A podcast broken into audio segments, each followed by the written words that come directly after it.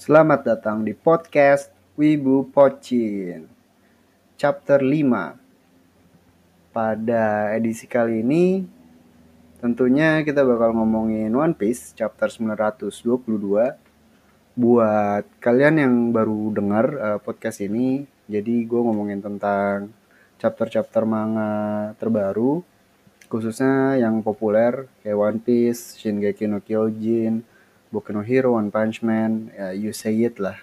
Uh, ada macam-macam. Dan untuk One Piece sendiri mungkin gue bakal kasih kisi-kisi kali ya. Apa aja yang bakal gue omongin. Jadi pertama gue mau bahas tentang judulnya sendiri. Judul dari chapter 922 adalah Viceroy of Beast Pirates titik 2 Kaido. Jadi yang bakal gue bahas adalah kenapa Oda Sensei memilih kata Viceroy di sini. Atau di terjemahan lain itu disebutnya General Governor. Kenapa Oda nggak memilih kata Kapten? Jadi gue bakal, bakal mengeksplor arti dibalik kata Viceroy ini serta possibility-nya terhadap si Kaido ini sendiri gitu.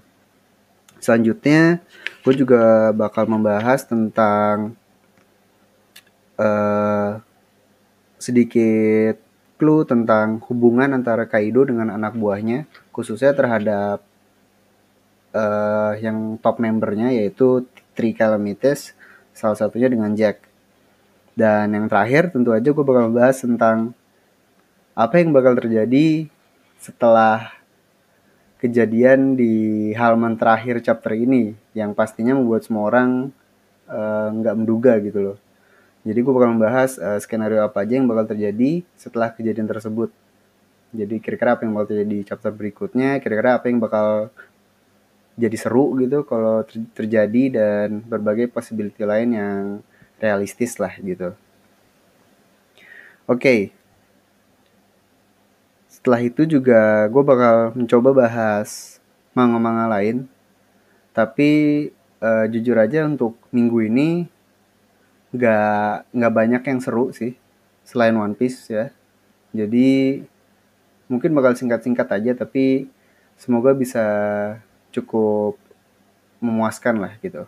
Oke, kita mulai segmen pertama One Piece.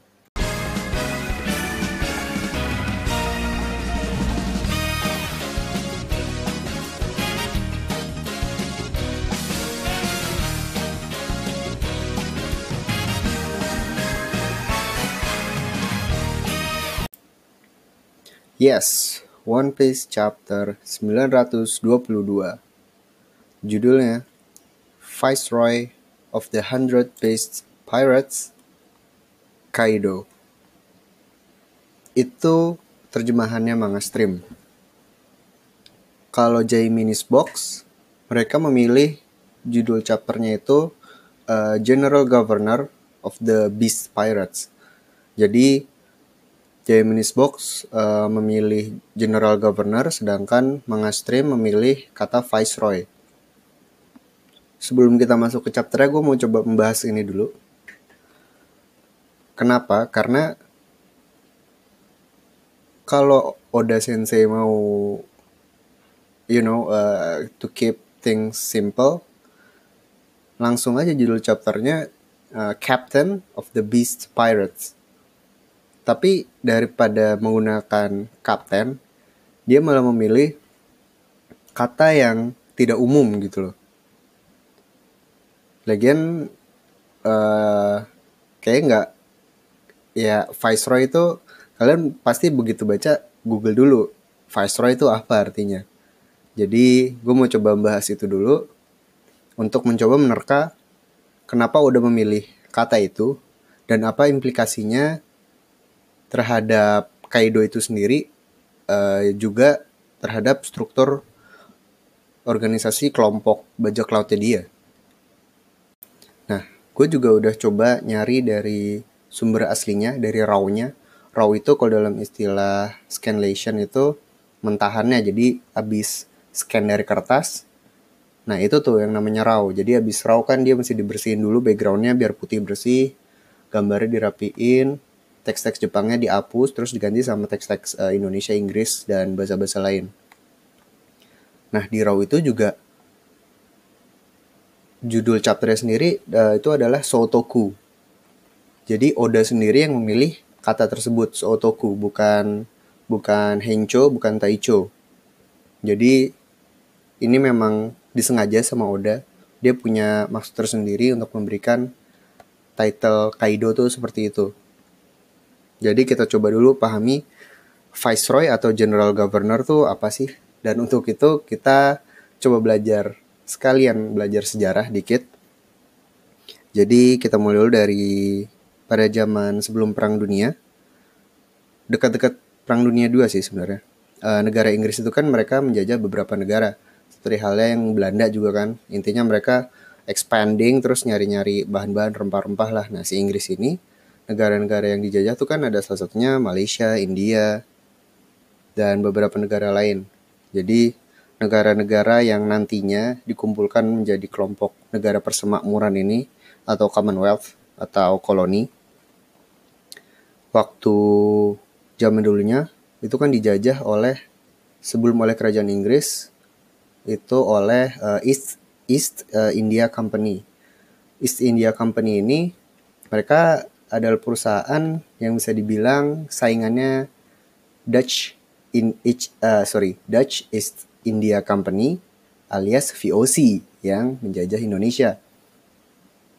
Jadi EIC ini walaupun bisa dibilang nggak sesukses VOC, mereka uh, gagal gitu pada tahun 1800-an tuh bangkrut, tidak mampu bersaing dengan VOC yang memang luar biasa besar. Jadi kalau kalian cari tahu tuh VOC adalah perusahaan dengan value atau aset yang paling besar di dunia sepanjang sejarah. Bahkan kalau dibandingkan dengan yang perusahaan yang ada sekarang, aset mereka itu 10 kali lebih besar, lebih banyak dibandingkan dengan Apple. Itu kan gokil banget. Jadi anyway si waktu East India Company ini atau EIC menjajah India, mereka mengutus seseorang untuk uh, menjabat atau memimpin uh, uh, sorry uh, memerintah India. Nah, orang yang memerintah India yang disuruh oleh EIC ini itu titlenya adalah General Governor.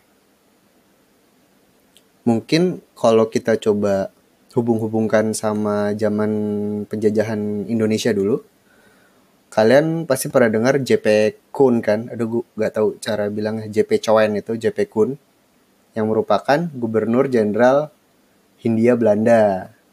Ingat dong waktu belajar sejarah dulu. Nah, jadi kira-kira kayak gitu tuh. Cuman bedanya si JP Kun ditunjuk oleh VOC. Sedangkan si eh si lagi gue gue nggak tahu sih uh, General Governor India India tuh siapa. Tapi anyway, tugas dari General Governor adalah untuk memerintah negara yang sedang uh, diperintah. Sorry, uh, lebih tepatnya negara yang sedang dikuasai atau dijajah gitu kan.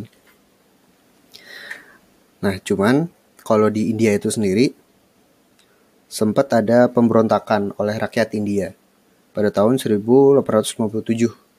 Nah, gara-gara itu EIC mereka hampir mau mundur dari India, cuman akhirnya diambil alih oleh kerajaan Inggris. Jadi Inggris langsung tuh yang ngambil. Eh, tadi gue udah bilang udah East India Company itu dari Inggris, VOC dari Belanda, eh, gitulah.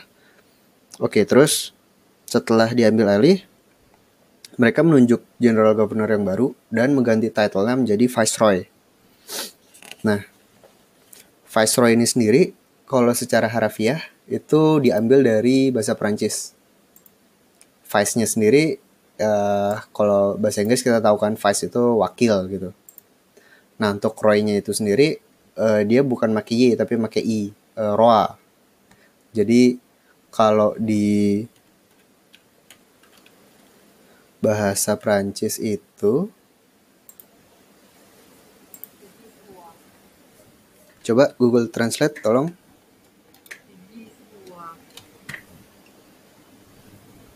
Viceroy. Viceroy, ya.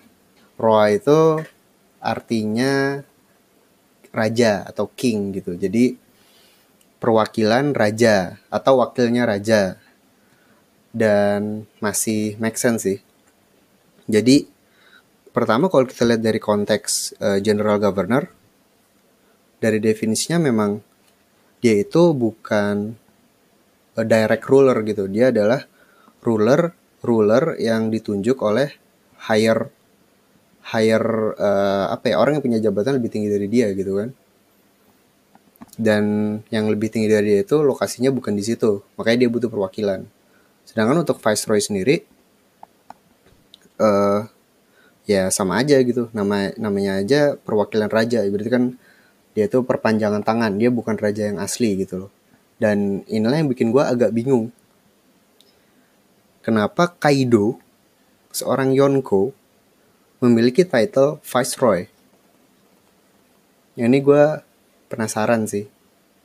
Apakah ini konteksnya karena dia sedang berada di Wano? Jadi mungkin yang terjadi adalah uh, shogunnya sekarang kan Orochi. Dia dalam monarki kerajaan Wano posisinya paling tinggi. Terus dia menunjuk uh, Kaido sebagai si viceroy yang juga berhak memerintah gitu loh. Itu kemungkinan pertama.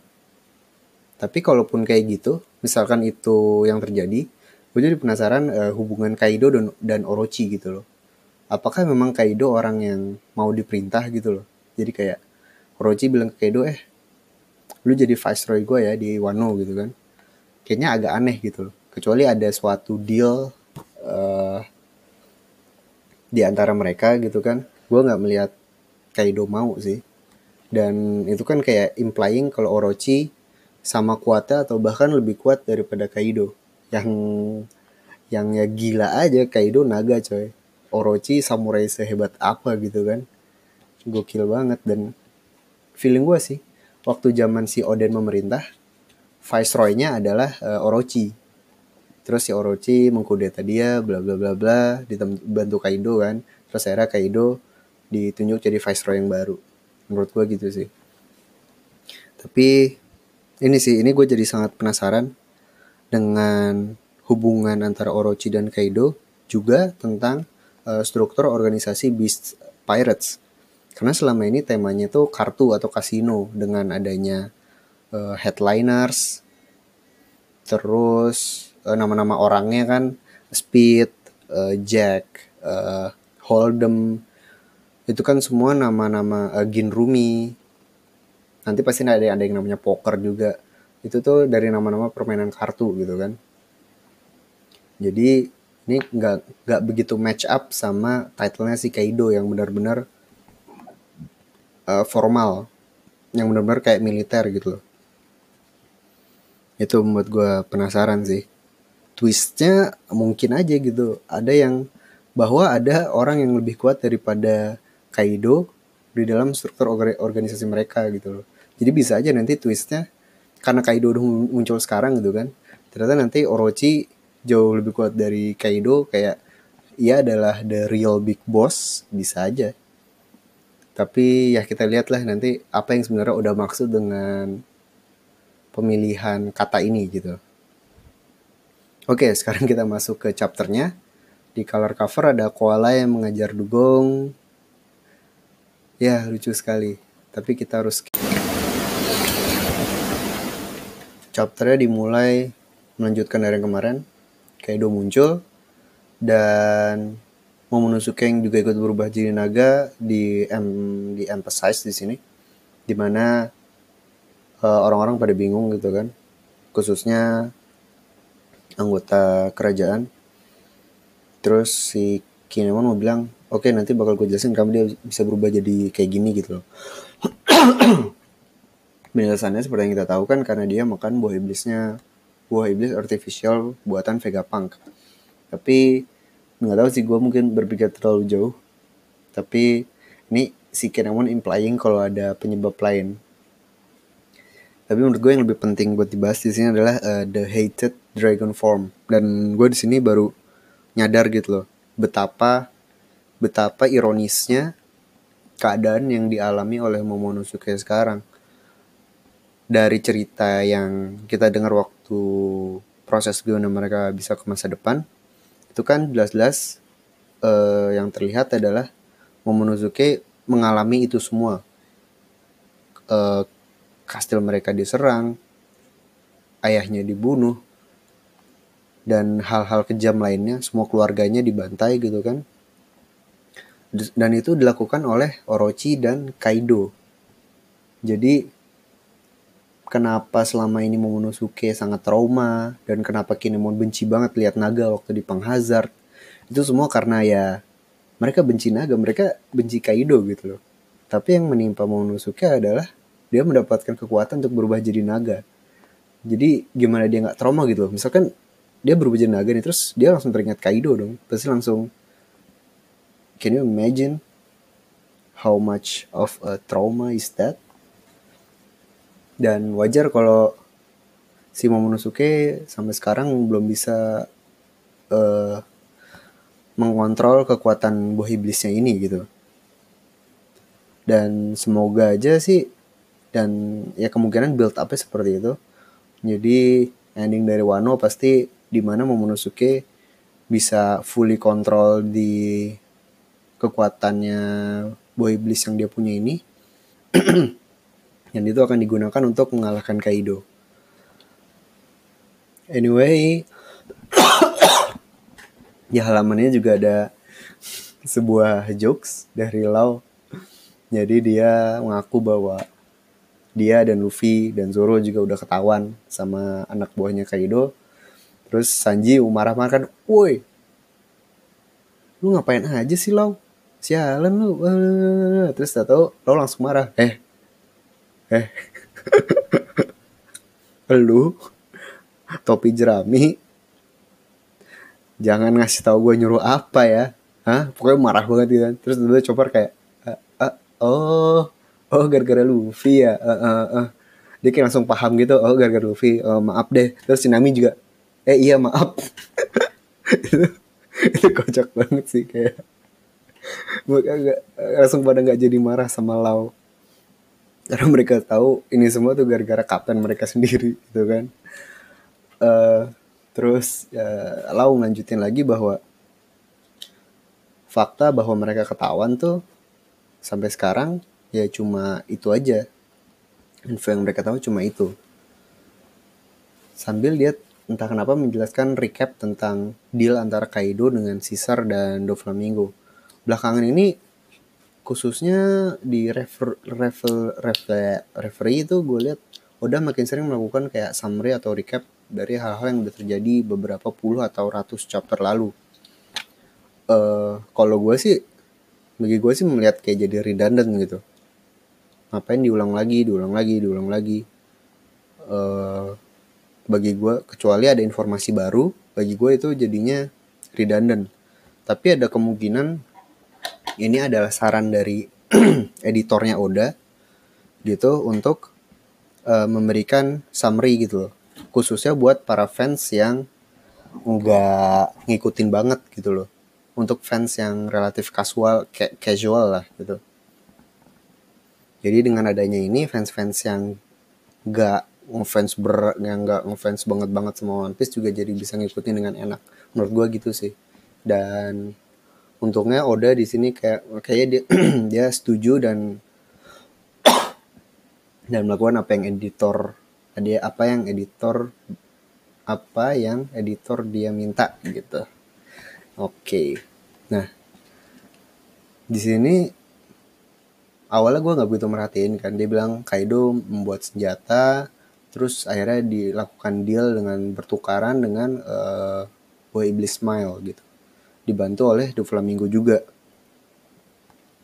Awalnya gue begitu mikirin tapi gue baca di Library of Ohara. Itu adalah website yang punya seorang fans One Piece juga. Dan dia tuh mungkin mirip sama gue kali ya. Dia tuh benar-benar membuat in depth uh, analysis tentang chapter-chapter One Piece yang baru keluar. Enggak gue nggak ada apa-apanya sih dibanding dia. Dia tuh gokil banget. Dia tuh biasanya pakai dia buat gambar gitu dia bikin sebuah tulisan blog yang menjelaskan tiap detail terus nanti ada gambar-gambarnya yang menjelasin ini tuh pernah muncul di chapter ini kayak gitu-gitu.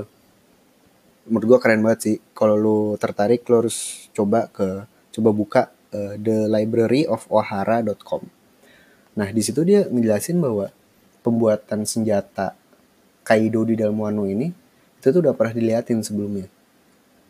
Jadi kalau kalian ingat karakter Karibo yang awal banget muncul uh, di Sabaudi begitu time skip selesai arc yang paling pertama di situ dia dia punya cover story sendiri. Jadi kan abis dia di pulau ikan ditangkap Jinbe kabur. Kabur ternyata dia nyasar di sebuah pulau yang ternyata itu ada pulau favorit Kaido tulisannya gitu. Di situ dia uh, dikira sebagai anggota revolusioner yang sangat mirip sama Che Guevara kalau itu namanya Gaburu kalau nggak salah uh, terus dia akhirnya uh, playing along gitu kan menjadi gaburu dan memimpin sebuah gerakan revolusi di pulau tersebut. Nah, yang gaburu dan sorry dan yang karibo dan anak uh, pasukan revolusi lawan adalah pabrik yang membuat senjata. Dan yang memimpin, pemimpin pabrik itu adalah salah satu anak buah Kaido namanya Scotch yang kita ingat dulu itu ketemu sama X Drake. Begitu X Drake uh, minta untuk ketemu dengan Kaido. Jadi ini related sebenarnya. Jadi pabrik senjatanya itu sendiri kita udah pernah lihat di dalam cover story. Nah, pembuatan senjatanya itu sendiri akhirnya pabriknya berhasil dihancurkan, si Scotia dikalahin. Cuman tiba-tiba si Karibo uh, ditangkap lagi gitu. Karena tiba-tiba X Drake muncul dengan form dinosaurusnya itu. Dia mengalahkan Karibo terus dibawa tuh Karibo entah ke mana. Sampai sekarang kita belum lihat lagi. Tapi yang jelas gue jadi expect dan gue jadi teringat lagi bahwa nanti di Wano bakal ada X Drake dan Karibo. Wah uh, gila makin rame aja nih. Apalagi nanti kalau Big Mom jadi beneran datang ke Wano. Gokil. Jadi kira-kira itulah tentang pembuatan senjatanya Kaido ini. Terus uh, setelah Lau cerita itu, Luffy tiba-tiba kabur. Bukan kabur sih dia kayaknya mau nyusul mau ngajar Kaido karena ya begitulah Luffy. Uh, dia bergerak tanpa berpikir dan semua rencana yang udah ada kemarin uh, dia bodoh amat gitu kan. Tapi Lau sendiri mencoba untuk tenang dan uh, memastikan atau membuat Kinemon tenang gitu dia berusaha membuat Kinemon tenang dengan mengatakan bahwa kalau cuma gue sama Luffy yang ketahuan itu nggak apa-apa kalian masih bisa melakukan rencana kalian dan masih bisa sukses gitu loh asal kalian yang lain gak ketahuan jadi si Lau sendiri dia bilang dia mau dia merencanakan sesuatu dan dia nyusul Luffy akhirnya.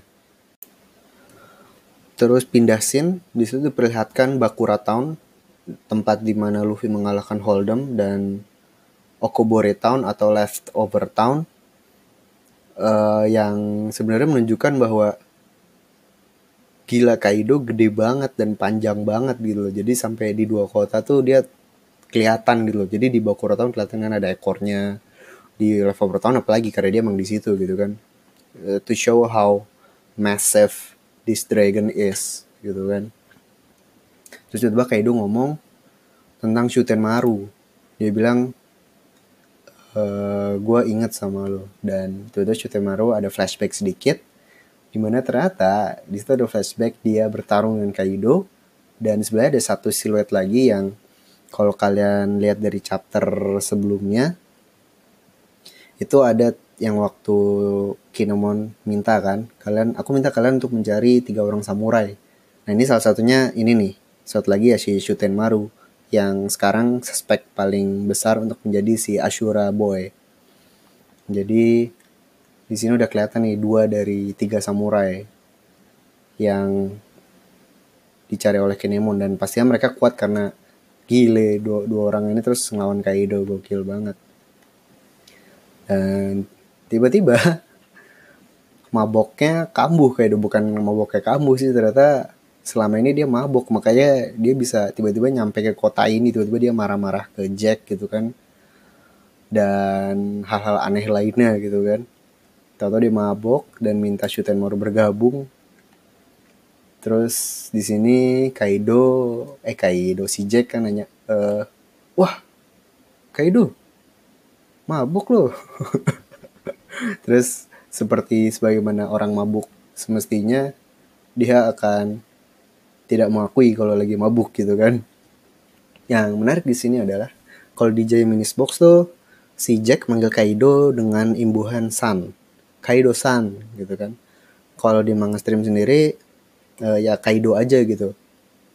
Karena memang nggak beda jauh gitu loh. Kayak uh, kalau imbuhan San tuh nggak begitu memberikan suatu title. Misalkan kalau Kaido sama atau Kaido Hime Hime itu kalau diterjemahin harus ada tambahannya di belakang kayak Tuan Kaido atau Nyonya Kaido gitu kan misalnya. Nah ini menunjukkan bahwa ada sedikit karakter development uh, bagi Jack Kaido dan Beast Pirates itu sendiri. Jadi uh, kemungkinan Kaido dan tiga Calamity ini mereka tuh teman dekat. Jadi nggak sesimpel ya kalau shonen biasa gitu kan. Si bos utamanya tuh ya dianggap bos, pasti kayak anak buahnya kayak nurut terus kayak baik tuanku atau uh, baik raja kegelapan atau apalah gitu kan. Di sini menunjukkan bahwa mereka tuh punya hubungan gitu loh. Mereka itu ya kelompok bajak laut gitu loh. Mereka tuh nakama bisa dibilang lah. Jadi e, namanya bajak laut ya bajak laut. Kita nggak bisa menaruh label e, penjahat atau pahlawan gitu loh. Dari segi bajak laut ya mereka adalah kelompok bajak laut yang punya hubungan erat satu sama lain. Uh, gue agak kejauhan sih tapi poin gue adalah Kaido dan Jack punya hubungan yang tidak seperti antara uh, bos dan anak buah. Itulah ya gitu maksud gue kira-kira. Dan lebih menarik lagi di sini Jack mengkhawatirkan kehancuran dari kota Okobore yang sekali lagi memberikan karakter development bahwa Jack ini bukan sekedar orang yang isinya otot doang. Dia punya kekhawatiran sendiri dan dia juga uh, memikirkan gitu kelangsungan dari pabrik-pabrik milik mereka gitu loh. Terus setelah itu Luffy kayaknya emang benar-benar mau ngejar Kaido. Disusul sama Luffy dan ternyata bukan cuma mereka berdua yang turun ke kota. Ada Kinemon dan Okiku juga yang mengejar. Nah, Kinemon sendiri mau nyusul ke kota karena dia uh, kaget bahwa Osuru masih di kota dan dia juga kaget kalau ternyata selama 20 tahun ini Osuru menanti Kinemon dengan setia selama 20 tahun. Jadi wah gue nggak percaya dia nggak menikah lagi atau gimana kayak gitu untuk mencari orang yang bisa melindungi dia. Uh, dia malah nungguin gue gitu loh. Itu kayak bagi gue salah satu hebatnya udah gitu dalam dalam satu panel dalam satu dialog itu kayak memberikan cerita yang impactful gitu dalam dalam hal ini uh, a simple love story gitu loh yang begitu dibaca langsung oh langsung kayak gitu. Uh, anyway lanjut lagi di kota Okobore ada Hawkins yang sekarang akan gue panggil Hawkins si bangsat. Karena dia eh bentar dia memanggil Kaido dengan title Viceroy Kaido jadi ini memang title resmi dari Kaido dalam struktur mereka Hawkins ini kan uh, sekarang headliner dari uh, bajak laut Beast Pirates kan, bajak laut Kaido. Dan dia memanggil Kaido dengan title yang semestinya. Jadi memang benar bahwa Kaido ini title bukan kapten dan ini nih gue penasaran nih kenapa udah memilih uh, title-nya ini gitu. Dan sekali lagi ini menunjukkan bahwa Jack dan Kaido dan mungkin dengan tiga Calamity itu lebih dekat benar punya hubungan keluarga hubungan nakama gitu karena Kaido manggil karena Jack manggil Kaido nggak pakai Viceroy atau embel-embel lainnya anyway si bangsat ini uh, melaporkan bahwa Luffy dan Lau ada di Kastil Oden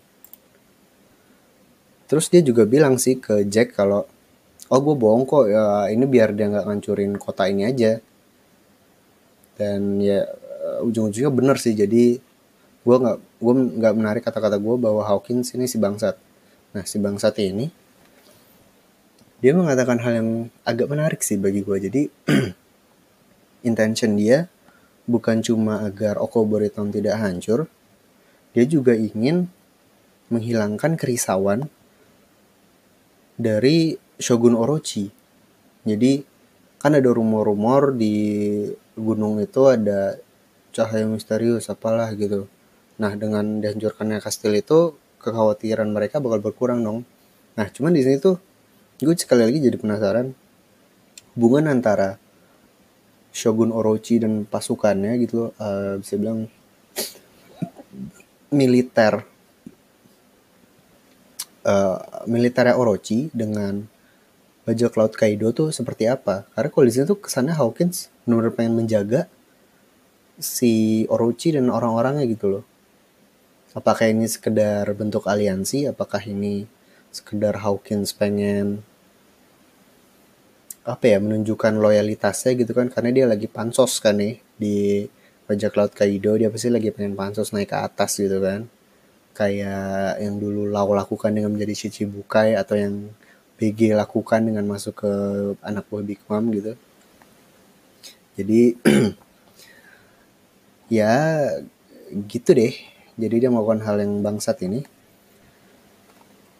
Dan gue jadi gue jadi mengubah pandangan gue bahwa dulu itu gue pikir gara-gara khususnya gara-gara Lau dan BG ya bahwa eventually semua supernova tuh bakal berpihak dengan Luffy gitu loh. Nanti ujungnya semuanya bakal jadi some kind of alliance lah walaupun nggak pure bergabung di Grand Fleet atau membuat membuat aliansi langsung kayak sama Lau gitu. Dengan BG kan mereka membuat temporary alliance yang bahkan sampai akhir pun khususnya karena si Chiffon salah satu anak Big Mom yang istrinya si BG juga mereka benar-benar membantu Luffy sampai akhir. Uh, dan itu sendiri gue berharap gue berpikir lebih tepatnya uh, ini bakal terjadi sama Hawkins atau Kit dan Apo di Arc One ini atau sama X Drake lebih tepatnya. Gue lebih yakin sama X Drake sih. Tapi ternyata si Hawkins nih seenggaknya sampai sekarang membuktikan bahwa dia adalah uh, si bangsat yang tidak peduli dengan Luffy dan kawan-kawan gitu.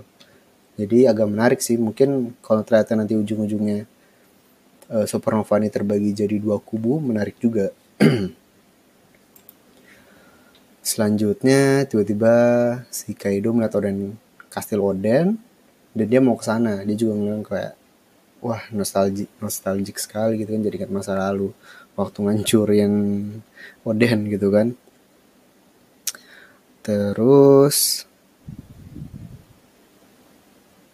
eh uh, apa lagi ya? Hawkins Drake Kaido. Oh oke. Okay. Kaido tiba-tiba langsung melaju dengan kencang ke arah Kastil Oden dan orang-orang yang dikasih Odin kaget dong. Wah ah dia ke sini yang bener dan bener aja kan dia datang melewatin Luffy yang lagi turun saking gede dan cepatnya dan cuma dalam hitungan detik Kaido melancarkan serangan. Bolo Blast. Uh, kalau di Japanese box tuh hit breath. Uh, tapi kalau terjemahan atau Jepang aslinya itu hit eh sorry bolo breath lah. Jadi intinya intinya itu adalah bersihnya dia. Dan bersihnya dia menghancurkan kastil Oden sampai berkeping-keping. Hancur coy dan kan langsung orang-orang langsung wah gimana nih Nami dan kawan-kawan? Kenapa gimana nih? Kalau bagi gue sih uh, ini terlalu cukup sering terjadi dan apalagi karena ini bukan di ujung chapter jadi kayak bukan suatu yang seenggaknya sih gue nggak begitu mengkhawatirkan gitu loh. Pasti entah Sanji menyelamatkan mereka atau Nami menggunakan teknik petirnya dia bawa Zeus kan. Terus atau mungkin si Shinobu uh, showcasing uh, teknik dia sebagai seorang ninja sebagai seorang kunoichi jadi one way or another uh, aman lah mereka. Ada yang sempat bilang uh, Kinemon mungkin menggunakan teknik pembelah apinya. Jadi Kinemon kan punya jurus teknik pedang khusus tuh. Bisa belah api bisa mengeluarkan api dari pedangnya. Tapi seperti yang kita tahu Kinemon tuh lagi turun. Lagi turun ke bawah gitu. Jadi dia nggak di situ. Lau juga nggak ada di situ. Jadi dia nggak bisa room atau sejenisnya. Tapi tetap aja sih gue nggak begitu khawatir. Pasti mereka bakal selamat entah dengan caranya apa gitu. Banyak sih caranya sebenarnya. Terus si Hawkins kayak oke okay, uh, eh, cukup dengan itu doang. Kayaknya maboknya udah selesai. Dan Jack sekali lagi memberikan komen yang sangat menarik. Uh, kayak that guy is insane. Padahal kita yang kita tahu sendiri Jack itu adalah the definition of insane bro. He is the absolute madlad yang jer yang nyerang Zo gajah raksasa tanpa mikir yang mau mencoba membebaskan Kaido dari kepungan atau pengawalan ketat angkatan laut yang di mana di dalamnya ada seorang admiral dan dua orang legenda yaitu si Suru sama Garp. Gila coba orang yang segila itu terus dia masih bilang Kaido emang orang gila. Gila lu lu juga gila kali. Jadi ini kayak Kaido tuh segila apa gitu kan. Gokil banget. I mean karena ini coming from Jack gitu kan jadi benar-benar kayak eh Kaido lebih gila nih. Oke. Okay. ya menarik aja gitu. Terus halaman selanjutnya. Uh gok. Ah gue yakin lu semua nggak nggak ada yang menyangka ini bakal terjadi gitu kan lu yang suka buat teori tiap hari nggak mungkin nggak mungkin ngira uh, last page dari chapter 922 ini bakal kayak gini. Anjir men. Gue pertama baca langsung what? I mean anjir itu benar-benar rame banget di grup-grup teman-teman gue yang suka baca One Piece. Wah gila woi baca baca One Piece baca One Piece sekarang. Terus uh, beberapa temen gue juga jadi sampai kayak posting halaman ini ke IG story mereka gitu saking saking impresif ya gitu kan. Wah ini gokil banget sih. Jadi seperti yang kita tahu Luffy melompat dan langsung aja Gomu Gomu no! Elephant Gun! Duak! Palanya Kaido dijitak coy Dijitak Kaido Yonko The strongest creature on the earth. Seorang naga raksasa. Dor Dijitak pak. Aji Gue bener-bener Gue sempet kayak diem dulu semenit. What? What the hell? Nani the fuck ya I mean tentu aja yang kita pikirin adalah lah selanjutnya gimana nih coy? One Piece tamat. Luffy mati. Ternyata main karakternya bagi mau apa? Karena uh, di the logical outcome-nya ya Luffy dihajar. Kalah kayak mana mungkin Luffy menang gitu kan dan di, di ini Wano baru belum nyampe 20 chapter loh. Tiba-tiba udah dare. Kayak itu dijitak coy. Penyebabnya sendiri ya kita tahu waktu dia ngancurin Castle Oden kan itu tuh ekspresinya Luffy sampai dua panel. Yang pertama kan dia teriak wah! Terus sebelahnya sampai yang matanya. Karena mungkin dia kayak mengalami PTSD waktu Kuma mengalahkan semua anggota Straw Hat terus dihilang-hilangin gitu kali ya. Jadinya dan kita semua tahu bahwa di atas uh, semua aturan yang Luffy punya di atas semua rencana yang Luffy tidak ikuti cuma ada satu yang solid cuma ada satu yang ironclad yaitu lu senggol nakama gue lu gue bacok. Dan itulah yang simply terjadi gitu kan dan beberapa orang juga menganggap bahwa this is the most uh, Luffy thing ever gitu ya Luffy ya begini. Nggak peduli lo si Chibukai nggak peduli lu Yonko lu naga raksasa. Kalau lu melakukan sesuatu yang buat gua kesel lu gua hajar. Dan Ryubi itu dihajar. Jadi kalau kita mengikuti pola itu ya sebenarnya masuk akal maksudnya kalau kita mencoba mengikuti logika Luffy yang tidak masuk akal ini masuk akal bahwa mencetak Kaido merupakan tindakan yang seorang Luffy, seorang monkey di Luffy akan lakukan gitu. Dan ya udah, selamat tinggal. Uh, terima kasih Eiichiro Oda untuk 21 tahun, 22 tahun yang sangat indah ini. Uh, gue sangat menikmati One Piece. Terima kasih. Uh, saya tunggu karya Anda yang berikutnya. Juga Selamat tinggal Luffy. Uh, RIP Monkey D. Luffy 1997 sampai 2018. Minggu depan gak ada One Piece kayaknya sampai nggak sampai nggak ada lagi. anyway, uh, enough with the jokes.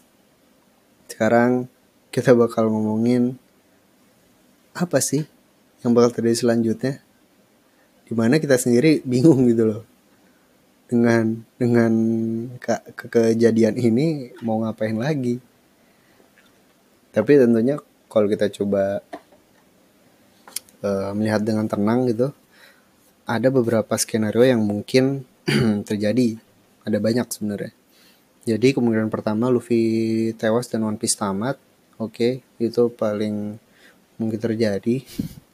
Terus yang kedua karena di situ ada Law ya dia dengan simple bisa melakukan swapping dengan shambles ditukar sama batu kayak ditukar sama apa. Terus kabur deh sama Luffy. Mereka kabur sama Luffy ya udah selesai. Yang kedua uh, ini skenario ini juga tapi variasinya adalah Lau yang menukar diri dengan Luffy mungkin dengan mungkin untuk efek dramatis atau apa tapi ini mungkin adalah bagian dari rencana yang Lau bilang di awal gitu kepada Sanji dan kawan-kawan. Rencana untuk um, memastikan bahwa penyerangan aliansi mereka tuh ke pulau Onigashima bisa berhasil.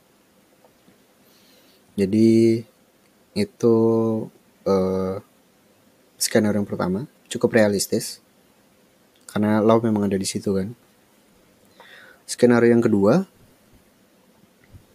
uh, Lau nggak menolong Luffy tapi seperti yang kita lihat abis dijitak kan tuh matanya Kaido kayak apa ya kalau ngangkat ke atas tuh yang bisa lo kalau pingsan atau kesurupan atau mau apalah gitu itu kayak memberikan implikasi bahwa Kaido kemungkinan akan tidak sadarkan diri di chapter berikutnya dan itu bukan berarti Kaido lemah atau Luffy sangat kuat gitu loh.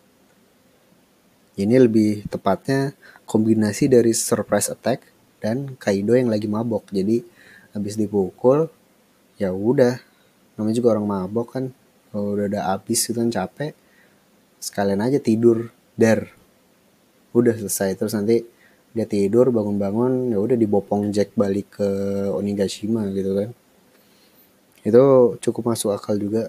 Karena uh, setelah melihat keunikan Kaido yang memiliki sifat mabuk ini menurut gue sih masuk akal gitu loh. Apalagi karena ini baru awal-awal ya baru awal-awal arc gitu masa langsung full fight. Skenario ini juga cukup masuk akal dan untuk efek komedi lumayan juga. Kalau bisa dieksekusi dengan bagus pasti bakal kocak nih kalau ternyata Kaido lagi mabok. Terus nanti Luffy woi gue menang. Padahal dia emang udah capek aja habis mabok. Nah skenario ketiga ini menurut gue sangat menarik. Jadi habis gue mikirin ini gue cek cek cross check di reddit di forum-forum ternyata ada beberapa orang juga yang berpikiran sama.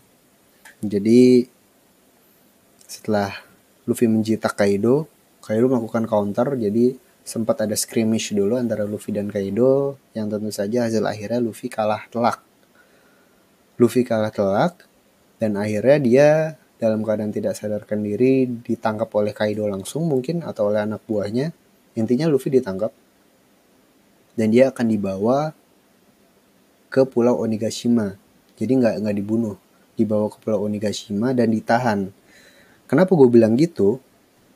Karena seperti yang kita tahu uh, beberapa puluh chapter yang lalu Kid uh, yang waktu itu bareng Hawkins dan Apo berusaha melawan Kaido sekarang lagi berada di penjara dia ditahan gitu jadi Apo dan Hawkins kan akhirnya berada di bawah Kaido sekarang. Tapi si Kid kayaknya emang anaknya nekat dan keras kepala dia nggak mau gabung sama Kaido akhirnya dihajar Kaido dan kayak dikasih pelajaran gitulah karena Kaido emang kesel banget nih sama Worst Generation khususnya Luffy dan Lau jadi Luffy kemungkinan bakal mengalami nasib yang sama, dilempar ke penjara, ke sel penjara yang sama. Terus dari situ kita sendiri jadi bakal melihat shortcut gitu kan. Jadi meanwhile Sanji, Zoro dan kawan-kawan progressing di Wano sambil exploring, kita bakal melihat Pulau Onigashima juga sendiri secara langsung. Jadi dari situ kemungkinan mungkin aja Lau, Lau, oh sorry, Luffy dan Kid bakal team up dan berusaha melakukan uh, kabur prison break dari Onigashima gitu kan. Membuat kekacauan sendiri di situ. Itu sangat mungkin dan tentunya sangat seru. Itu possibility-nya asik banget. Tapi terlalu mirip sama waktu di Whole Cake Island seperti yang kita ingat abis Luffy dihajar sama semua anggota Big Mom kan dia sama Nami ditangkap. Terus akhirnya mereka berusaha kabur gitu kan. Benar-benar sama hampir-hampir sama skenario nya cuman ya gitu sama aja. Kayak aneh aja kalau udah ngulang pola yang sama. Jadi uh, variasi dari skenario ini yang mungkin terjadi adalah Luffy ditangkap tapi dia karena kalahnya telak nih sama Kaido dia bener-bener passed out tidak sadarkan diri dan begitu bangun pun dia lemas gitu loh. Pokoknya dia bukan dalam keadaan di mana dia bisa kabur. Dan ini sangat menarik karena kalau Oda mau mencoba membuat variasi ini dan dengan variasi ini maksud gue karena Luffy nggak bisa ngapa-ngapain yang akan terjadi adalah uh, Zoro, Lau, dan semua aliansi mereka khususnya anggota Straw Hats yang akhirnya berkumpul kembali di Pulau Wano setelah sekian lama akan berusaha untuk menyelamatkan kapten mereka jadi di sini tuh bakal diperlihatkan waktu di Fishman Island kan setengah-setengah tuh. Uh, terus waktu Dressrosa dan Whole Cake juga benar-benar setengah-setengah kayak kelihatan kemampuan Straw Hat yang sekarang. Jadi di sini tuh benar-benar bakal diliatin sejauh apa kelompok Straw Hat telah berkembang gitu loh. Bagaimana bukan cuma Luffy yang bisa memprotek nakamanya, ini juga bakal nanti diperlihatkan bahwa semua anggota Straw Hat tuh bisa mengcover Luffy untuk mendukung dia menjadi Raja Bajak Laut. Menurut gue ini possibility yang unik karena kalau ini terjadi maka Luffy bakal dia bakal out of action dalam waktu yang sangat lama gitu kan sampai akhirnya dia siap untuk bangkit kembali dan melawan Kaido. Dan cukup berisiko juga karena apa udah berani gitu kan mem membenchkan membenchkan si Luffy ini dari Arkwano karena ya ini tokoh utamanya gitu dan ada kekhawatiran juga ada kekhawatiran juga nanti fans-fans One Piece bakal mungkin bakal ada yang merasa oh nggak seru nih gak ada Luffy atau gimana. Tapi tetap aja ini uh, possibility yang sangat menarik gitu kan. Bahwa di mana uh, arc Wano itu bukan tentang Luffy tapi tentang Straw Hat dan uh, alliance-nya. Itu keren sih. Uh, dan kalau mau amplify dari skenario ini dengan kondisi Luffy yang dikalahkan Kaido dengan sangat parah gitu kan atau mungkin nanti disiksa juga waktu lagi di selnya Fever Cartia terus nanti bakal menipis kan set, set, set. terus bukan cuma Straw Hat yang bakal memperhatikan ini tapi juga Straw Hat Grand Fleet jadi nanti mereka semua bakal lihat Kapten kita kenapa? Wah, terus semuanya langsung, ayo Kuano, anjir, perang-perang dah tuh. Straw Hat Grand Fleet, Big Mom, Kapten Laut, Kaido, Gelut, lalu semua. Baru dah tuh jadi arc yang lebih besar daripada Marineford War. Itu itu agak-agak ngayal sih, tapi bayangkan aja dan nikmatilah hype itu dalam otak kalian selama itu belum terjadi gitu kan tapi ya begitulah kemungkinan-kemungkinan yang bakal terjadi di chapter-chapter berikutnya uh, ini benar-benar gokil sih. Benar-benar impactful. Halaman terakhir nih really caught people off guard gitu kan. Gue suka banget sih kayak setelah chapter kemarin yang Kaido muncul itu benar-benar orang wah. Terus seakan-akan Oda ngerasa ada yang nantang dia hah? Lu mau lihat yang lebih hebat dari ini? Lu mau lihat yang lebih hebat dari ini? Oke okay, digambar lah chapter ini. Anjir. Gue gue nggak nyangka kayak Oda bisa one off gitu kan one up one up dari chapter yang sebelumnya yang udah gokil banget gitu emang gokil lah ini gue udah oke okay. anyway Uh, that's chapter 922. Habis ini kita bakal ngomongin yang lain. Tunggu di segmen berikutnya.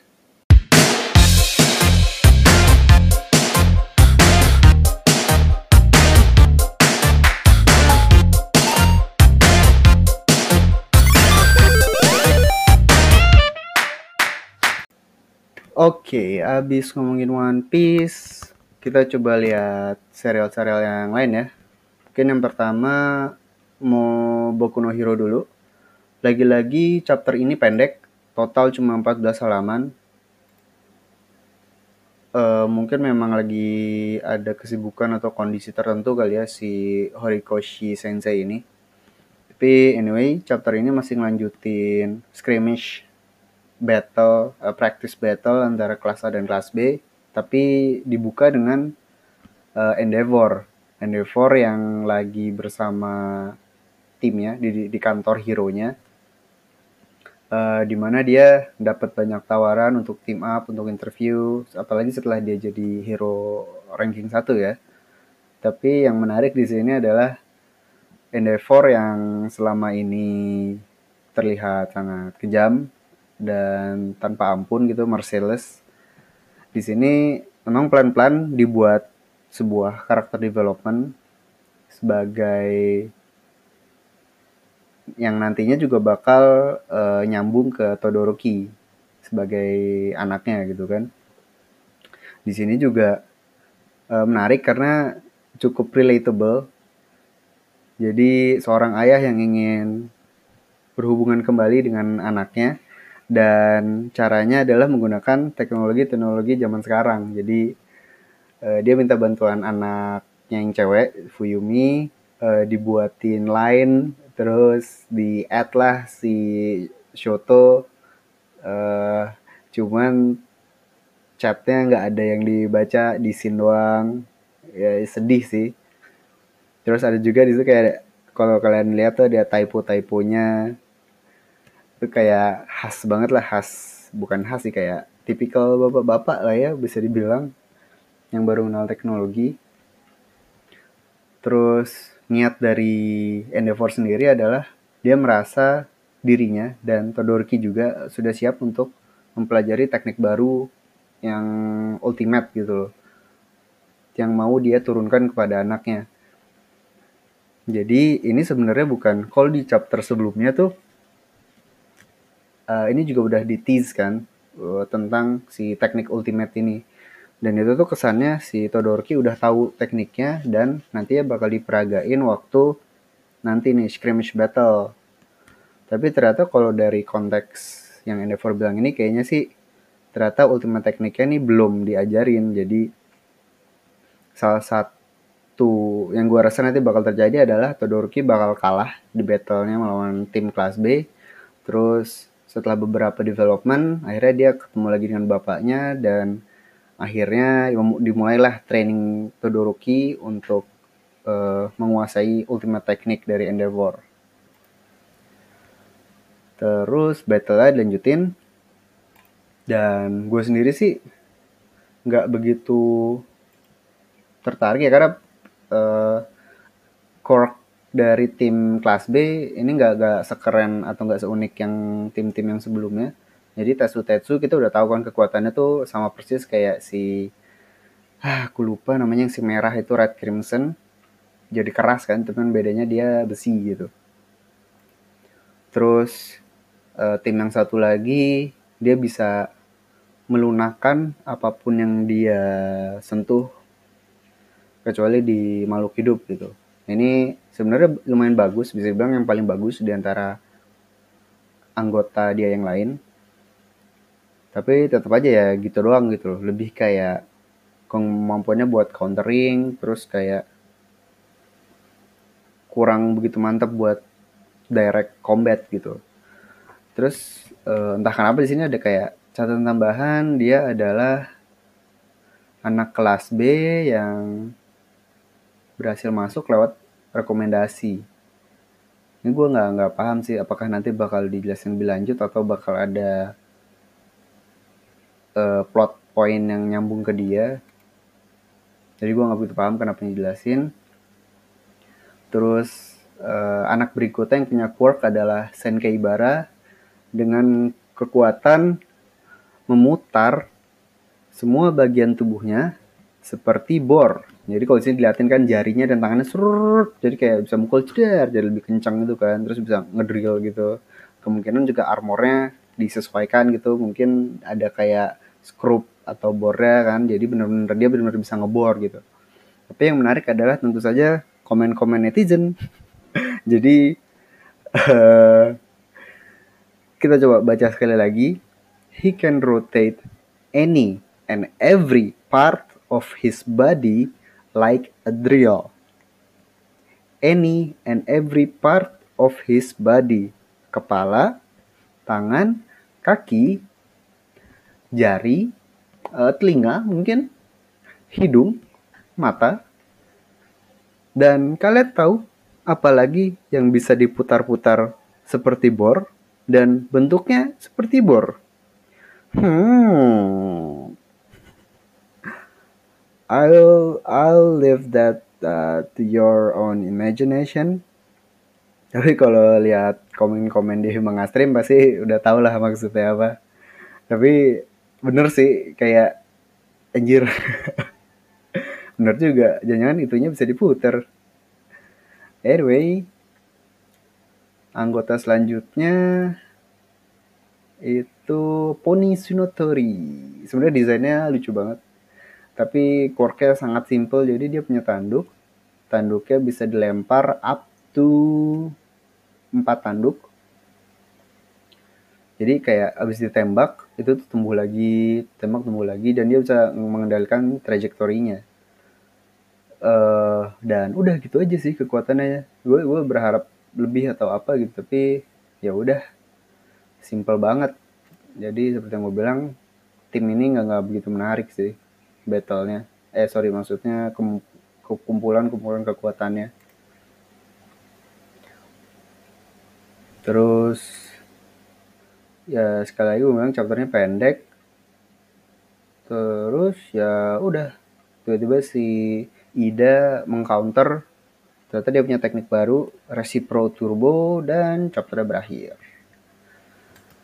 Singkat banget lihat tuh 7 menit tadi gue bahas One Piece 40 menit kali lebih 45 menit. Terus oh iya World Trigger man.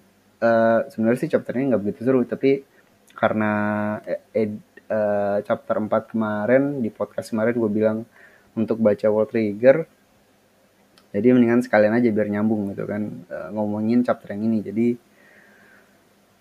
sebenarnya simpel banget sih chapter ini tuh cuma uh, briefing strategi dari tiap tim sebelum mereka masuk ke matchnya. Jadi dari dan begitu gue bilang tiap tim tuh ya benar-benar tiap tim. Timnya Osamu timnya Suzunari lah timnya Kageura semuanya satu-satu dikasih highlight. Dan masing-masing kebanyakan sih uh, mengomentari tentang bertambahnya anggota Tamakoma 2 yaitu si Hyuse. Di sini juga akhirnya ada nama lengkapnya Hyuse yaitu Hyuse Cronin uh, yang tentu saja nggak umum di dunia mereka karena dia ini dia ini alien kan. Uh, dia ini neighbor. Terus si Osamu entah kenapa sebelum battle dia ada suatu keraguan yang kalau nggak death flag ya red herring. Jadi entah nanti Osamu bakal mati di awal-awal battle langsung kalah gitu seperti battle sebelumnya atau hal lain yang lebih mengejutkan mungkin? Battlenya mau dimulai uh, seperti gue bilang tadi tim-tim lain mengomentari adanya anggota keempat ini dan kebanyakan kayak uh, bingung sih, oh gimana nih? Uh, Tamakoma nambah orang, tapi gitu aja sih. Terus yang menarik di sini adalah uh, map map di sini kan benar-benar kayak benar-benar kayak video game coy dan dijelasin kayak kalau petanya begini tuh keuntungannya begini, kerugiannya begini, tempat yang bakal rame buat berantem di mana. Ini salah satu yang gue suka sih dari World Trigger. Really, really strategic, full of tactics. Cuman ya karena ini masih chapter build up, jadi kalau dibaca chapter ini doang ya nggak bakal seru gitu loh. Makanya gue gua harap kalian uh, maraton baca dari awal karena ini keren banget.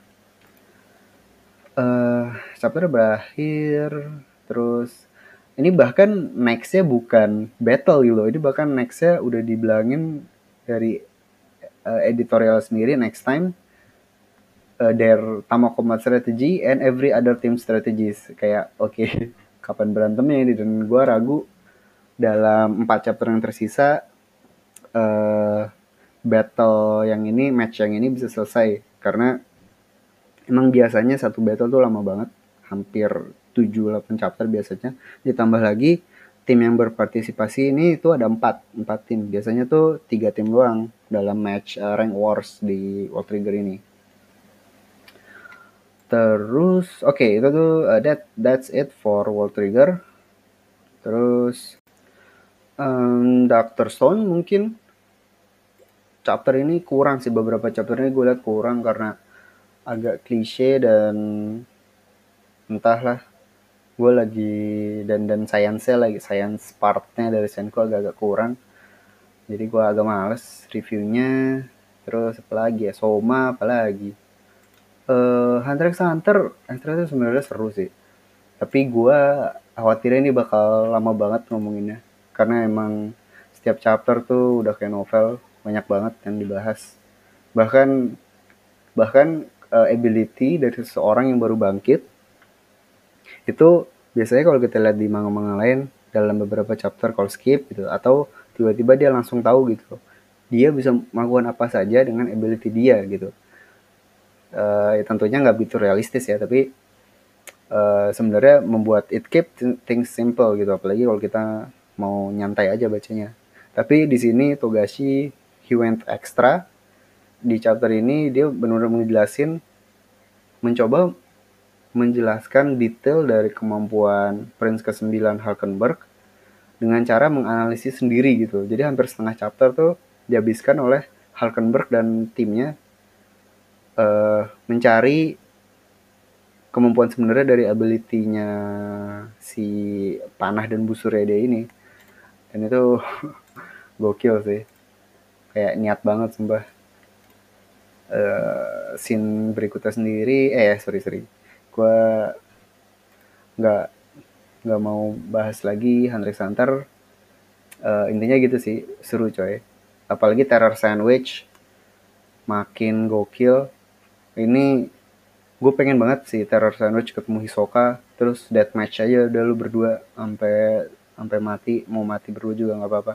Karena ini kuat banget sumpah. Gue gue penasaran Terror Sandwich tuh apakah dia dengan kemampuan atau nanti begitu dia udah benar-benar mastering all technique of Nen beserta Hatsunya dia apakah dia bisa berada di level let's say bapak dan kakeknya Killua apakah dia ber bisa berada di level Krollo di level Hisoka mungkin? Atau malah dia bisa berada di level Netero? Atau mungkin kalau mau lebih gila lagi ternyata dia bisa setara dengan Meruem. Itu gokil banget sih karena dari dulu sampai sekarang bener-bener tuh di build up bahwa si Terra Sandwich ini is freakingly strong gitu. Dan gokil banget sumpah karakter yang menjadi sangat menarik gitu dan mestinya dia bisa jadi long term villain juga. Uh, anyway gue nggak mau lama-lama lagi. Soalnya podcast nomor satu aja di Indonesia cuma 50 menit kan. Masa gue lama banget sampai sejam lebih gitu kan. Ngomong gak jelas tentang komik komik anak kecil. Um, mungkin itu aja kali ya uh, untuk edisi minggu ini. Kita lihat minggu depan semoga manga-manga lain mulai keep up dengan kerennya One Piece gitu. Walaupun kalau dari yang gue lihat sih dari plot yang lagi berjalan cuma Hunter x Hunter doang yang berpotensi untuk melakukan itu kayak Boku no Hero emang lagi arc santai, World Trigger memang masih rank wars, Soma masih turnamennya di awal-awal. Doctor Stone semestinya climax sih, cuman uh, eksekusinya nggak begitu mantap menurut gua. So dan apalagi ya, hmm, Shingeki no Kyojin kemungkinan minimal sih seminggu dua minggu lagi ya chapter berikutnya chapter bulan November baru keluar tuh seminggu dua minggu lagi so ya yeah. thank you semua yang udah dengerin Uh, I'll see you next time. Terima kasih.